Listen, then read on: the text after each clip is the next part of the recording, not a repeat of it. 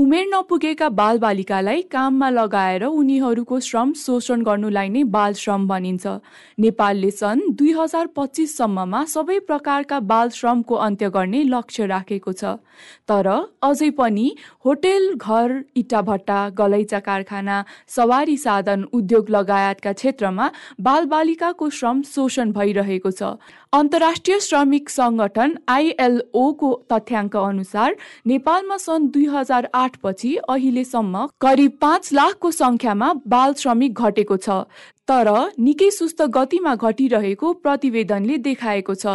यद्यपि कोरोना महामारीले विश्वव्यापी रूपमा बाल श्रमको समस्या बढ्दै गर्दा नेपालमा भने घटेको बताउनुहुन्छ राष्ट्रिय बाल अधिकार परिषदका अधिकृत रामबहादुर चन्द। बाल श्रम न्यूनीकरणका काम प्रभावकारी बन्दै गएकाले पनि नेपालमा बाल श्रम घटेको चन्दले बताउनुहुन्छ। बाल श्रमको पाटोमा पनि नेपाल सरकारले दस बजे बाल श्रम निवारण गुरु योजना कार्यान्वयन गरेको छ।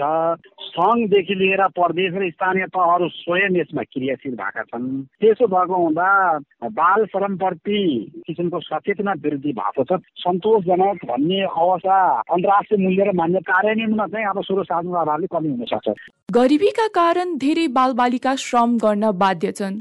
कोरोना महामारीका कारण पनि कतिपय बालबालिका श्रमिक बन्न बाध्य बनेका छन्। बाल श्रम ऐन बनाए पनि प्रभावकारी कार्यान्वयन नहुँदा बाल श्रम सोचे जस्तो घट्न नसकेको जानकारहरू बताउँछन्। सहरिया जीवनयापनको आकांक्षाले सहर पसेका बालबालिकाहरू बढी जसो बाल श्रममा पर्ने गरेका नेपाल बाल संगठनका अध्यक्ष विद्या उपाध्याय नेउपानेको बुझाइ छ। हजुर यो बाल श्रम बढ्नको पछाडि चाहिँ कस्तो छ भने अब हामीसँग थुप्रै किसिमका समस्या मध्ये एउटा खुल्ला बोर्डर हाम्रो समस्या हो। गाउँको भेगबाट सहरतिरको आकर्षण जसलाई सानो केटाकेटीलाई पनि त्यसले खिचेको छ। अब बहुसङ्ख्यक बालबालिकालाई त्यसरी पनि बाल श्रमको रोजगारीमा गएको छन्। नेपालमा श्रम उन्मूलनतर्फ भइरहेको प्रगतिमा कोरोना महामारीले गर्दा केही प्रभाव पारेको छ। नेपालमा बाल श्रमिकको संख्या घटाउने विभिन्न सङ्घ सङ्गठन तथा सरकारले प्रयास गरिरहेकै छन्।